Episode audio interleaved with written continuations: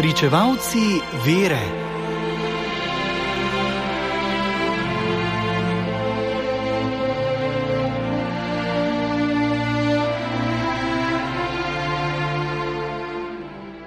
Danes zgoduje sveti Polikarp, škof iz drugega stoletja, škof v Smirni v Mali Aziji in zadnji apostolski učenec.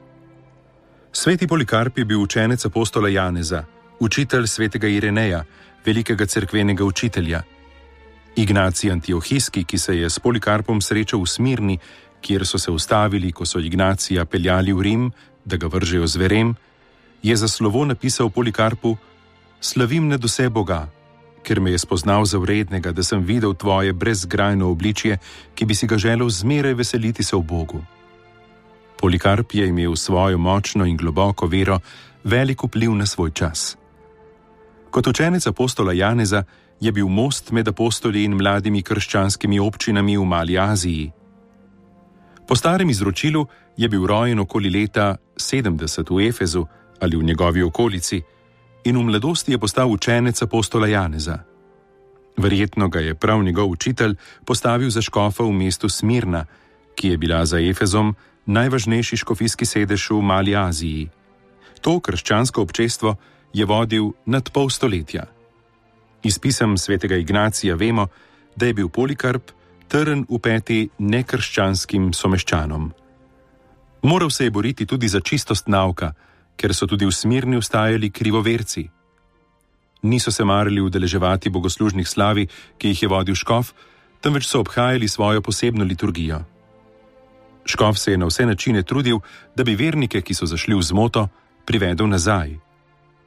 Kjer je bilo potrebno, je pokazal tudi odločnost in strogost. Sosednjim krščanskim občinam, ki so se borile z enakimi težavami kot Smirenska, je pisal opominjevalna pisma. Ohranilo se je samo njegovo pismo vernikom v Filipih. V njem Polikarp živo poziva Filipljane, naj priznajo mučeništvo križa. To se pravi, Jezusovo smrt na križu kot priznanje za njegovo resnično telesnost. Leta 155 je smirenski škof potoval v Rim, da bi se s papežem Aniketom dogovoril o datumu praznovanja Velike noči. Polikarp je z drugimi maloazijskimi škofi ustrajal pri izročilu, da se spomin zveličarjeve smrti obhaja 14. nizana. Papež pa se je držal bolj splošne navade, da je praznik gospodovega vstajenja prvo nedeljo po pomladanski polni luni. Sporazuma sicer nista dosegla, vendar sta se rašla v miru. Kmalo po vrnitvi iz Rima je Polikarp umrl mučeniške smrti, kot 12. in zadnja žrtev preganjanja, ki je tam zadivjalo. Ob velikih cirkuških igrah je poganska množica terjala Polikarpa, prokonzul pa ga je obsodil na smrt. Ker je bila borba z vermi, v kateri so umrli drugi učenci, že končana, je moral na grmado. 86-letni starček je pogumno stopil na njo.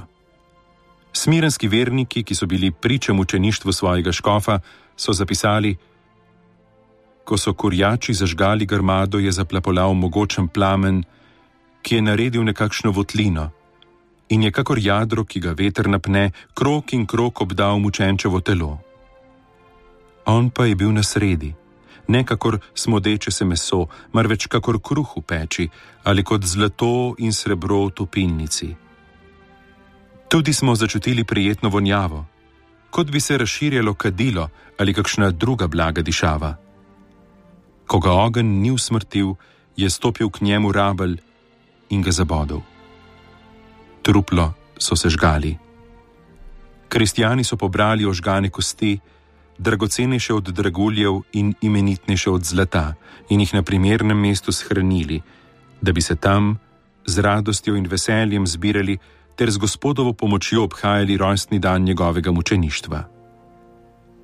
Umrl je na današnji dan, najbrž leta 156. Očividec Markion je vse to opisal in to poročilo smrti svetega Polikarpa je najstarejše pričevanje o češčenju mučencev in njih ostankov.